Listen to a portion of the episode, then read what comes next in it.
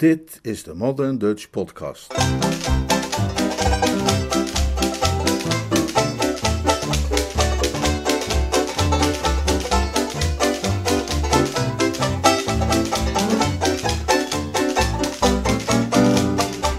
Jeeves en de oude schoolvriendin. Een verhaal door P.G. Woodhouse uit de bundel Uitstekend Jeeves, vertaald en voorgelezen door Leonard Beuger. Vandaag het eerste deel.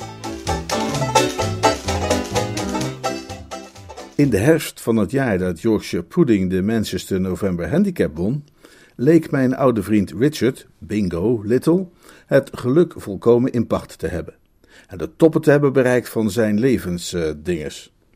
hij zat zo te zien op fluweel. Hij at goed, hij sliep goed, hij was gelukkig getrouwd, en daar zijn alom gerespecteerde oom Wilberforce eindelijk de pijp aan Maarten had gegeven, kon hij nu bovendien beschikken over een aanzienlijk jaarlijks inkomen en een schitterend buitenhuis zo'n dertig mijl van de stad Norwich. Terwijl ik de oprijlaan uitzoefde na een kort bezoek al daar, bedacht ik dat als er ooit een geluksvogel geweest was, dat beestje beslist Bingo heette. Ik zoefde daar overigens alleen zo snel weg omdat mijn familie erop stond dat ik in Harrogate zou optreden als chaperon voor mijn oom George, wiens leverkwaal weer eens opspeelde. Maar tijdens het ontbijt op de dag van mijn vertrek had ik Bingo maar al te graag beloofd nog eens terug te zullen komen zodra ik opnieuw tot de bewoonde wereld had kunnen doordringen. Uh, nou, kom dan wel op tijd voor de renner op Lekenham, drukte Bingo mij op het hart en hees een tweede lading bacon en worstjes aan boord, want hij was altijd al een stevige eter geweest en de gezonde buitenlucht leek zijn eetlust alleen nog maar aan te wakkeren. Dan gaan we daar met de wagen naartoe, nemen een picknickmand mee en maken er een klein feestje van. Ik wilde juist gaan zeggen dat ik dat zeker niet wilde missen, toen mevrouw Bingo, die haar post zat open te maken achter het blad met koffiespullen, plotseling een kreet van blijde verrassing slaakte. Oh, lammetje van me, koerde ze ja, dat was zo ongeveer de manier waarop mevrouw B., zoals u weet, voor haar trouwen bekend als de romanschrijfster Rosie M. Banks, gewend was haar gelukkige wederhelft aan te spreken. Vermoedelijk heeft ze die stijl overgehouden aan het jarenlang produceren van kleffigheden voor het grote publiek. Het leek Bingo niet te kunnen schelen. Ik neem aan dat hij, gezien het feit dat vrouwtje lief de auteur is van zulke vooraanstaande pulp als Murphy Gretig, Bon Vivant en ze was maar een meid van de straat, alleen maar dankbaar was dat het niet nog veel erger uitpakte. O, lammetje lief, is dat nou niet heerlijk? Wat? Laura Pike wil ons komen opzoeken. Wie? Ach, ik heb het vast wel eens met je over Laura Pike gehad. Ze was op school mijn beste vriendin. Ik aanbad haar eenvoudig. Ze was altijd al vreselijk briljant. Ze zou hier graag een week of twee willen komen logeren. Prima toch, laat me komen. Vind je dat echt niet erg? Tuurlijk niet, een vriendin van jou is een schattenbout, zei mevrouw Bingo en blies hem een gemiemd kusje toe. Engeltje, zei Bingo en boog zich weer over de worstjes. Eigenlijk allemaal heel leuk en gezellig. Echt een knus huiselijk toneeltje bedoel ik. Ongedwongen uitwisseling van ideeën binnen de familiekring en dat soort dingen. Ik zei het nog tegen Jeeves terwijl we wegreden. In deze roerige dagen, Jeeves, zei ik, met huwelijken waarin de vrouw streeft naar zelfvervulling, de man stilletjes om de hoek gaat doen wat hij beter zou kunnen laten en het familieleven er door de bank genomen wat magertjes bijhangt, als het ware, is het prettig om ook eens zo'n door en door saamhorig stel mee te maken. Beslist heel aangenaam, ja. Ik doel daarmee op de bingo's, eh, de heer en mevrouw. Precies, meneer. Wat zei de dichter toch ook weer uh, over zulke stellen als de Bingi?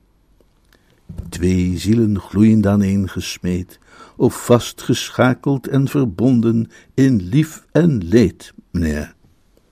Een bliksemsrake typering, Jeeves. Die heeft ook in de loop der jaren, naar ik meen, een ruime waardering gevonden, meneer.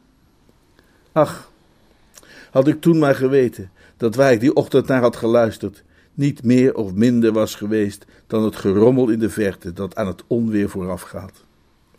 Onopgemerkt, ergens op de achtergrond, was het noodlot bezig zijn bokshandschoenen stiekem met lood te verzwaren. Het lukte me boven verwachting alweer tamelijk snel om oom George in zijn heilzame poel gedacht te zwaaien, zodat ik de bingo's een telegram kon sturen om mijn terugkomst aan te kondigen. Het was nogal een lange rit en ik kwam nog maar net op tijd aan om me te kunnen omkleden voor het diner. Juist had ik me haastig in het vereiste pinguïnpak gehuld, in blij vooruitzicht van de gebruikelijke cocktail en de rest van het welverzorgde avondmaal, toen de deur openging en Bingo binnentrad. Hallo Bertie, zei hij. Hoi Jeeves. Hij sprak met toonloze stem. Ik ving Jeeves' blik terwijl ik mijn das recht trok en zond een vragende blik in zijn richting terug. Uit onze woordeloze conversatie maakte ik op dat hij door hetzelfde getroffen was als ik. Dat is te zeggen, dat onze gastheer, de gelukkige echtgenoot, een weinig vrolijke indruk maakte. Zijn voorhoofd was gefronst, zijn oog miste de lustige fonkeling en zijn algehele houding en gedrag deden denken aan de onfortuinlijke drenkeling die na verscheidene dagen uit het water wordt gehaald. Wat is er met jou, Bingo? vroeg ik. We zijn sinds onze jongensjaren bevriend en ik was vanzelfsprekend ongerust. Je ziet er beroerd uit, je hebt toch geen last van builenpest of gele koorts? Jawel. Wat heb je dan? De zevende ziekte, de vliegende tering, de zwarte dood. Hoe bedoel je? Die hangt hier rond, zei Bingo, en hij lachte daarbij op een onaangename, rochelende manier, alsof hem een keelamandel was uitgerukt. Ik kon hem niet volgen. De brave borst leek in raadselen te spreken. Voor mij spreek je in raadselen, brave borst, zei ik. Vind je ook niet dat hij in raadselen spreekt, Jeeves? Ja, meneer. Ik heb het over haar van Pike, zei Bingo. Over het haar van wie? Niet over der haar, gewoon over haar. Pike, Laura Pike, weet je nog wel? Oh ja, nee, natuurlijk. De, de, de schoolvriendin, het studiemaatje. Is die nog steeds hier? Ja, nou. En ik vraag me af of ze ooit nog wel vertrekt. Rosie is helemaal weg van haar, stapeldol, hangt compleet aan haar lippen. De oude betovering is dus nog niet verdwenen? Bepaald niet, zei Bingo. Ik weet niet wat het is met die meisjesvriendschappen. Het lijkt wel een soort hypnose. Begrijp er niets van. Mannen zitten heel anders in elkaar. Wij hebben toch ook samen op school gezeten, Bertie. Maar goeie hemel, ik zie jou toch niet echt als een genie? Oh nee? Beschouw heus niet elke kleine opmerking van jou als een parel van wijsheid. Oh, hoezo niet? Maar dat doet Rosie wel bij dat mens van Pike. Ze is als was in de handen van die Pike. Als je wilt zien hoe een eerste klas aardsparadijs in razend tempo wordt gedegradeerd tot een onbewoonbaar verklaarde eensgezinswoning door het geïntrigeer van een levensecht serpent, dan moet je vooral hier in huis maar eens goed rondkijken. Maar hoezo? Wat is er dan aan de hand? Laura Pike, zei vriend Bingo met bittere bond. Zij is zo'n verantwoord voedselfanaat. Ze zegt dat we tegenwoordig allemaal veel te vlug en veel te veel eten. En dat we eigenlijk helemaal niet echt hoeven te eten, maar best in leven zouden kunnen blijven op raapsteeltjes en pastinaak en dat soort konijnenvoer. En in plaats dat Rosie dat mensen grondig de waarheid vertelt, zit ze haar de godganse dag met grote ogen van bewondering aan te staren en neemt ze al die kletsenpraat aan voor zoete koek. En het gevolg daarvan is dat de keuken in dit huis volkomen is gevegetariseerd. En ik dreig om te komen van de honger. Als ik jou vertel dat het nu al weken geleden is dat het laatste runderlapje hier zijn neus heeft laten zien, dan zul je begrijpen wat ik bedoel. Op dat moment weer klonk het geluid van de gong. Bingo hoorde het aan het somber gefronst gelaat. Ik snap niet waarom ze nog steeds op die gong slaan. Er valt helemaal niets aan te kondigen. Trouwens, Bertie, heb je misschien zin in een cocktail? Ja, reken maar. Nou, die zul je hier niet krijgen. Er worden hier geen cocktails meer geschonken. Rosie's oude schoolvriendin zegt dat hij de maagwand aantastte. Ik was ontzet. Ik had er geen idee van gehad dat het kwaad zich al zo diep had ingevreten. Geen cocktails? Nee. Je mag van verdomd veel geluk spreken als het diner een keer niet vegetarisch blijkt te zijn. Bingo, riep ik uit, want ik was werkelijk ontsteld. Hier moet je iets aan doen. Je moet voor jezelf opkomen. Je moet dus ferm optreden. Wat heet, je moet je onwrikbaar opstellen. Je moet tonen dat je de heer des huizes bent. Hij keek me aan, langdurig en met een vreemde blik in de ogen. Jij bent niet getrouwd, is het wel, Bertie? Nee, dat weet je toch? En anders had ik het makkelijk kunnen raden. Kom nu dan maar eens mee. Tja, het diner was niet 100% vegetarisch, maar daarmee had je dan ook wel alles gezegd. Het was karig, het was pover, het was allerminst het vrolijke stevige maal waar de maag zo luidkeels om schreeuwde na de lange autorit van die middag. En wat er dan nog aan maaltijd was, bedierf op je bord onder de conversatie van mevrouw Laura Pike. Onder gelukkiger omstandigheden, en zeker wanneer ik niet tevoren was geïnformeerd over haar perverse zielenhouding, zou de betreffende jonge dame waarschijnlijk helemaal geen onplezierige indruk op mij gemaakt hebben. Het was een heel leuk meisje om te zien, met wat al te ferme gelaatstrekken misschien, maar eigenlijk best heel aantrekkelijk. Maar al was ze een spetterende schoonheid geweest, het zou nooit echt iets geworden zijn tussen haar en Bertram Wooster. Had ze haar stijl van conversatie gehad, dan zou zelfs de schone Helena geen man hebben kunnen krijgen met een beetje gezond verstand. Tijdens het diner was ze onafgebroken aan het woord en ik had al snel begrepen waardoor Bingo's ziel zozeer tegen haar was verhard. Vrijwel alles wat ze zei ging over voedsel en over Bingo's neiging daar buitenproportionele hoeveelheden van naar binnen te schuiven, wat de weefsels van zijn maag absoluut de das zou omdoen. In de weefsels van mijn maag leek ze hoegenaamd niet geïnteresseerd. De algemene indruk die ik kreeg was zelfs dat het haar geen snars zou kunnen schelen als Bertram ter plekke dood zou blijven. Het was op vriend Bingo dat zij zich concentreerde. Hij was de zondaar die ze per se wilde redden. Ze keek naar hem zoals een hoge priesteres de gunsteling onder haar discipelen bekijkt, ook al maakt hij nog de fouten van de neofiet, en hield hem zorgvuldig voor wat er allemaal met zijn binnenste gebeuren zou als hij door zou gaan met het consumeren van voedsel dat een overmaat aan meervoudig verzadigde vetzuren bevatte. Ze weiden uit over eiwitten, koolhydraten en de aanbevolen dagelijkse hoeveelheden van de diverse voedingscomponenten voor de gemiddelde mannelijke consument. Ze was geen meisje dat een blad voor de mond nam en de pittige anekdote die ze wist op te dissen over een man die weigerde pruimen te eten, maakte dat ik de laatste twee gangen van onze maaltijd maar liever aan mij voorbij liet gaan. Jeeves, zei ik toen ik die avond eindelijk mijn slaapkamer wist te bereiken, het ziet er niet zo best uit. Nee, meneer? Nee, Jeeves. Ik heb bij de situatie zo mijn zorgen. Het is allemaal veel erger dan ik gedacht had. Uit wat meneer Little ons voor het diner vertelde, zou je misschien hebben kunnen opmaken dat dat mens van Pike eenvoudig geel in het algemeen loopt te prediken over verantwoord voedsel. Maar zulks is, heb ik inmiddels ontdekt, allerminst het geval. Ter illustratie van hetgeen ze beweert, wijst ze voortdurend op mijn vriend Little als afschrikwekkend voorbeeld. Ze heeft voortdurend kritiek op hem, Jeeves. Werkelijk, meneer? Ja, heel openlijk. Ze blijft maar zeggen dat hij te veel eet, dat hij te veel drinkt en dat hij zit te schrokken bij het eten. Je hadden ze moeten horen hoe ze hem vergeleek met wijlen de heer Gladstone, althans waar het gaat om het kauwen van voedsel. Die vergelijking viel niet zo best uit voor Bingo. En het ergste is dat mevrouw Bingo er nog mee in te stemmen lijkt ook. Zijn vrouwen vaker zo? Dat ze van harte instemmen met kritiek op de heer des huizes, bedoel ik?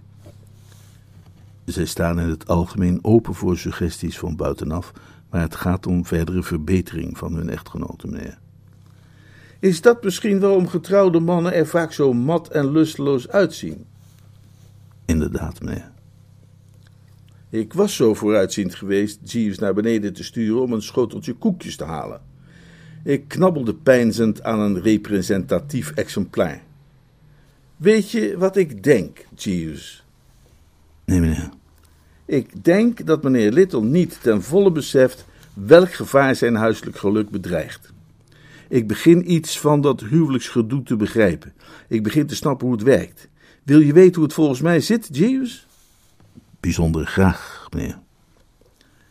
Wel, het zit zo. Je neemt een paar jongelui. Jongelui gaan trouwen. En een tijdje lang is het allemaal botertje tot de boom. Hm? De vrouwelijke helft van het stel beschouwt haar nieuwe maatje als het mooiste dat een vrouw ooit is overkomen. Hij is haar prins op het witte paard, als je begrijpt wat ik bedoel. Ze kijkt naar hem op, ze heeft het grootste respect voor hem. De vreugde heerst, om zo te zeggen, oppermachtig. Mee eens? Geheel en al, meneer. Maar na een tijdje begint langzaam, beetje bij beetje, de ontnuchtering te komen.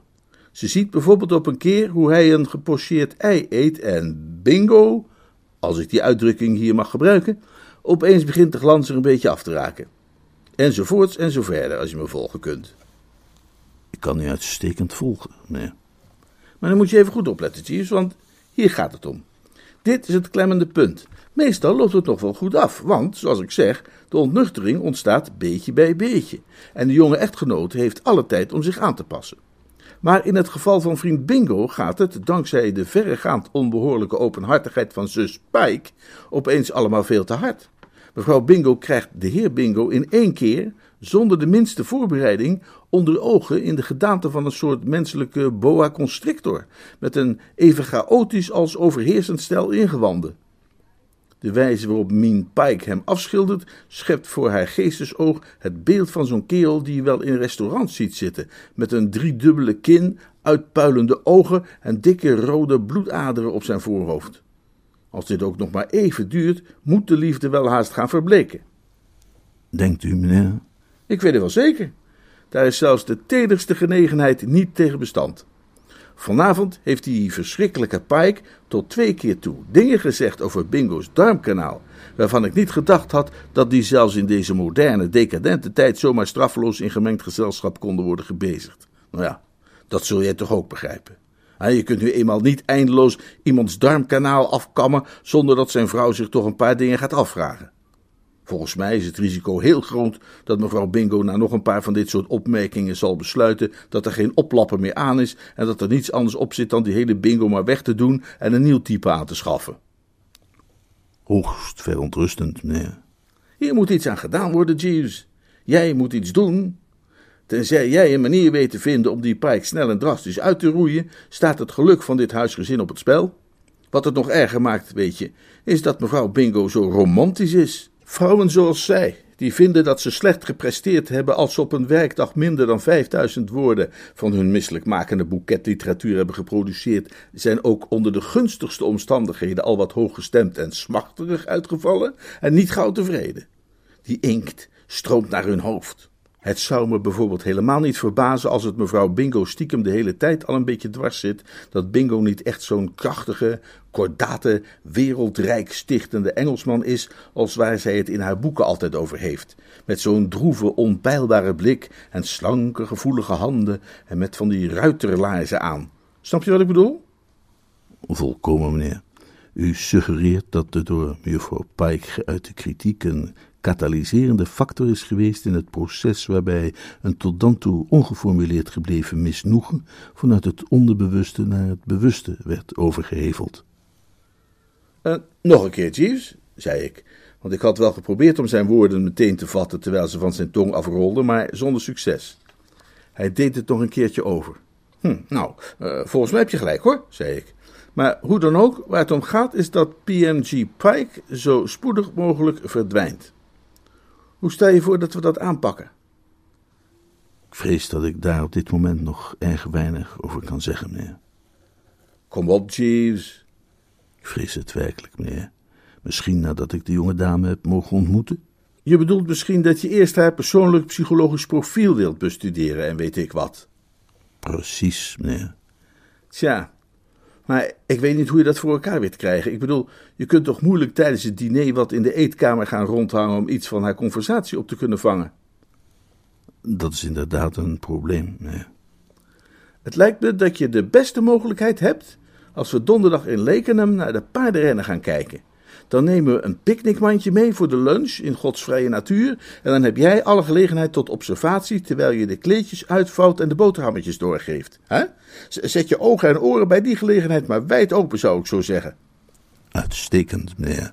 Uitstekend, Jeeves. Zorg dus dat je erbij bent, met je ogen op steeltjes. En ren voor het moment eens snel naar beneden en kijk eens of je nog een nieuw voorraadje van deze koekjes kunt scoren. Daar heb ik dringend behoefte aan. De dag van de paardenrennen in Lekenham ging open als een gouden roos. De oppervlakkige waarnemer zou hebben kunnen gemeend dat, zo zeker als daarbuiten de zon de wereld bevloerste, ik het geluk had gevonden. Het was een dag zoals je die laat in de herfst wel eens hebt, waarop de zon schijnt, de vogeltjes fluiten en er zo'n frisse, uitdagende geur in de lucht lijkt te hangen, die het bloed vrolijk kolkend door de aderen doet vloeien. Persoonlijk was ik trouwens niet echt heel blij met die frisse, uitdagende geur. Die maakte dat ik me zo uitzonderlijk fit voelde, dat ik me eigenlijk meteen na het ontbijt al begon af te vragen wat we bij de lunch te eten zouden krijgen. En de gedachte aan wat dat dan zou zijn als die Pike er weer iets over te zeggen had gekregen, dempte mijn vreugde aanzienlijk. Ik vrees het ergste, Jeeves, zei ik. Gisteravond tijdens het diner merkte mevrouw Pike terloops op dat de wortel de beste was van alle groenten met een verrassend positief effect op de rode bloedlichaampjes en gunstige gevolgen voor onze tent. Nu ben ik uiteraard helemaal in voor iedere verbetering van het bloed van de woesters en trakteer ik de omstanders ook altijd graag op de aanblik van een heerlijk blozend stel wangen, maar niet wanneer dat betekent dat mijn lunch daartoe zal bestaan uit een bos rauwe peen. Dus, om alle gesode fladder te voorkomen, lijkt het mij maar het beste dat jij je persoonlijke pakje brood wat aanvult met een hapje voor de baas. Ik bijt niet graag op een houtje. Uitstekend, meneer. Op dat moment kwam Bingo op van terzijde. Ik had hem in geen dagen zo vrolijk gezien. Ik heb net zorgvuldig toezicht gehouden op de samenstelling van het lunchpakket, Bertie, zei hij. Ik heb over de schouder van de butler meegekeken en gelukkig mogen we constateren dat er geen sprake was van enige flauwekul. Alles deugdelijk en correct? vroeg ik opgelucht. Helemaal volgens het boekje. Geen wortels? Geen wortels antwoordde vriend Bingo. Maar wel broodjes met ham, ging hij voort met een wonderlijke zacht smeulende gloed in zijn ogen. En broodjes met tong, uh, hardgekookt ei, een kreeft, koude kip, en sardientjes. En er is cake. En er zijn een paar flessen Bollinger en, en oude cognac. Dat klinkt goed, zei ik. En als we daarna nog wat willen eten, dan kunnen we natuurlijk altijd nog naar de pub. Welke pub? Is er dan geen pub bij die renbaan? Er is daar mijlen in de omtrek geen pub te vinden. Daarom heb ik er juist zo bijzonder zorgvuldig op toegezien dat er geen malligheid werd uitgehaald met die picknickband. De dorpswei waar die wedrennen worden gehouden is een afgelegen woestijn zonder oase. Een levensgevaarlijke uithoek. Iemand vertelde me dat toen hij daar vorig jaar aankwam en zijn picknickmand wilde uitpakken, de fles champagne ontploft bleek te zijn en dat de wijn samen met de slaasaus de ham had doordrenkt, die vervolgens met de gorgonzola tot een soort taaie pasta was vermengd geraakt.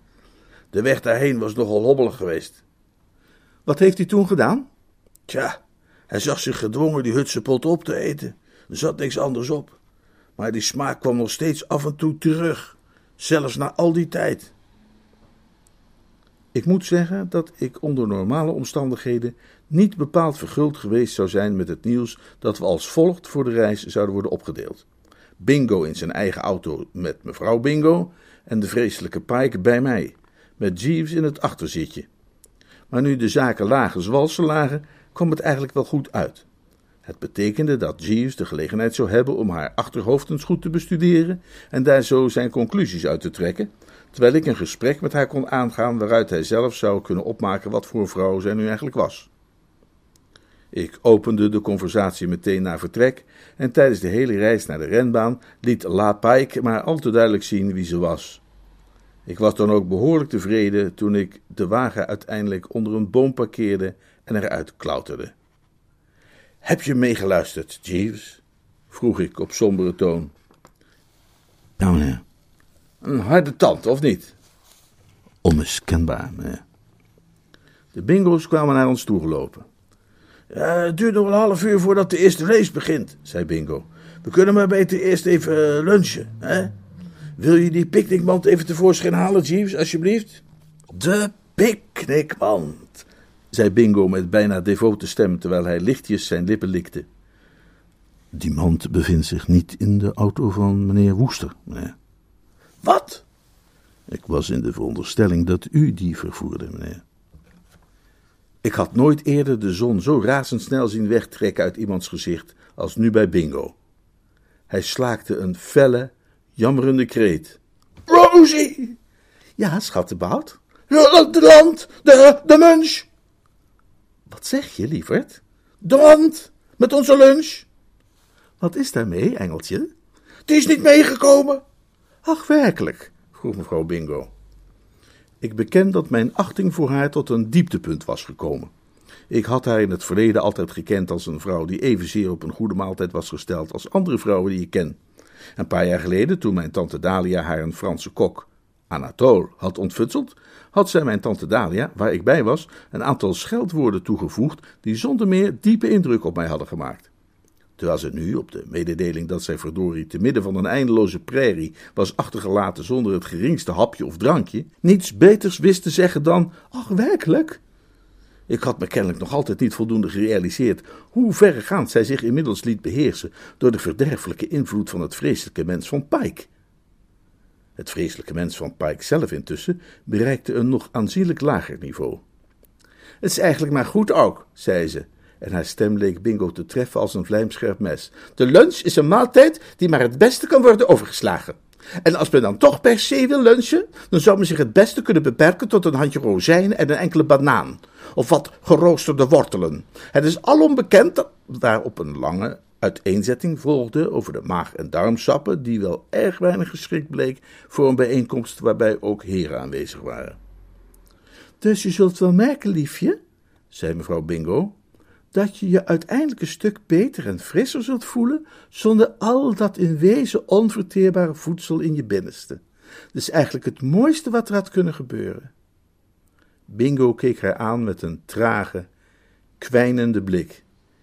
Ja, juist ja, zei hij. Nou, als je me dan een momentje wilt verontschuldigen, dan ga ik nu even ergens heen waar ik zonder andere mensen te hinderen een potje kan gaan staan juichen. Ik zag hoe Jeeves zich op een betekenisvolle manier terugtrok en ik ging hem achterna, niet zonder hoop en vertrouwen.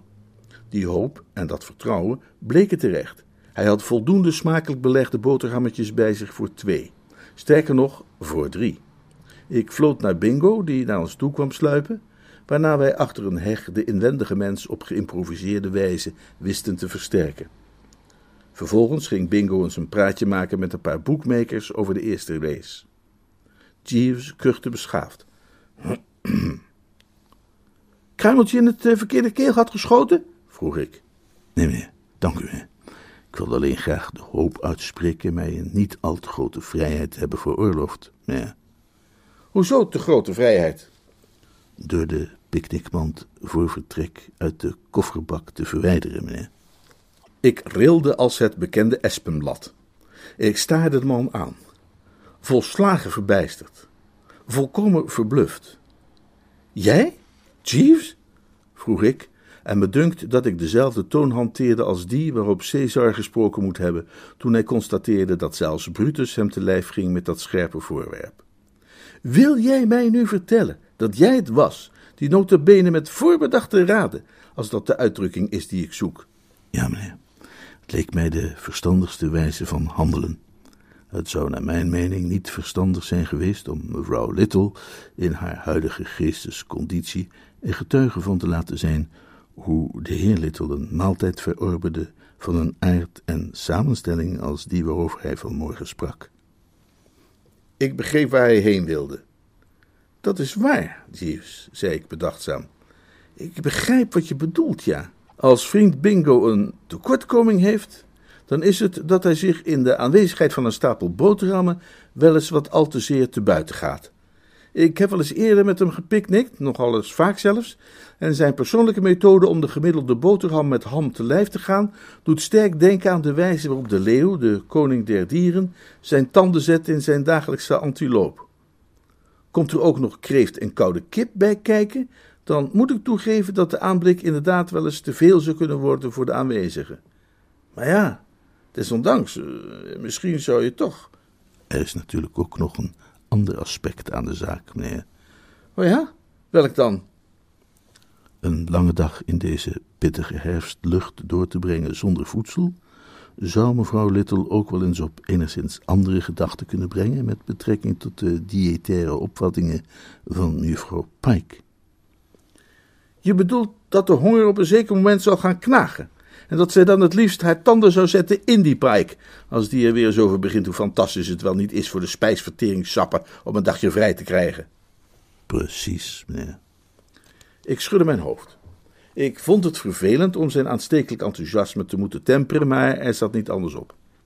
Nou, zet dat maar uit je hoofd, Jeeves. Ik vrees dat jij het andere geslacht toch minder diepgaand hebt bestudeerd dan ik. Voor de wijfjesmens is het af en toe eens overslaan van de lunch geen enkel probleem. Het is algemeen bekend dat de houding van de vrouw ten opzichte van de lunch uitermate luchtig en losjes is.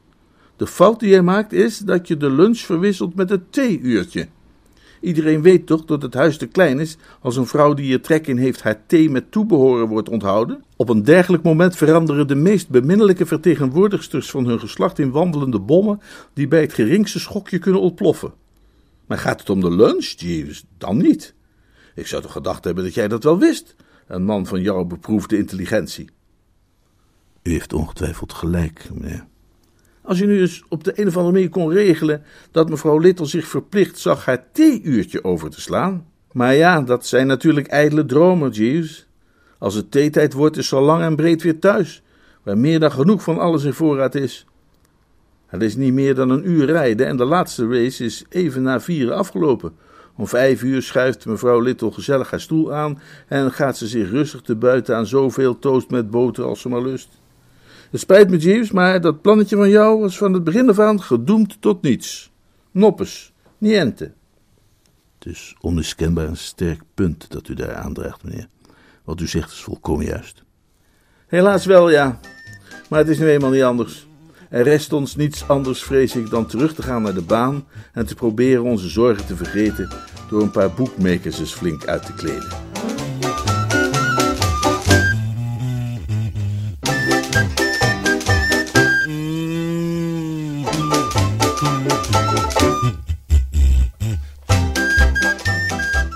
Dit was het eerste deel van Jeeves en de oude schoolvriendin door P.G. Woodhouse.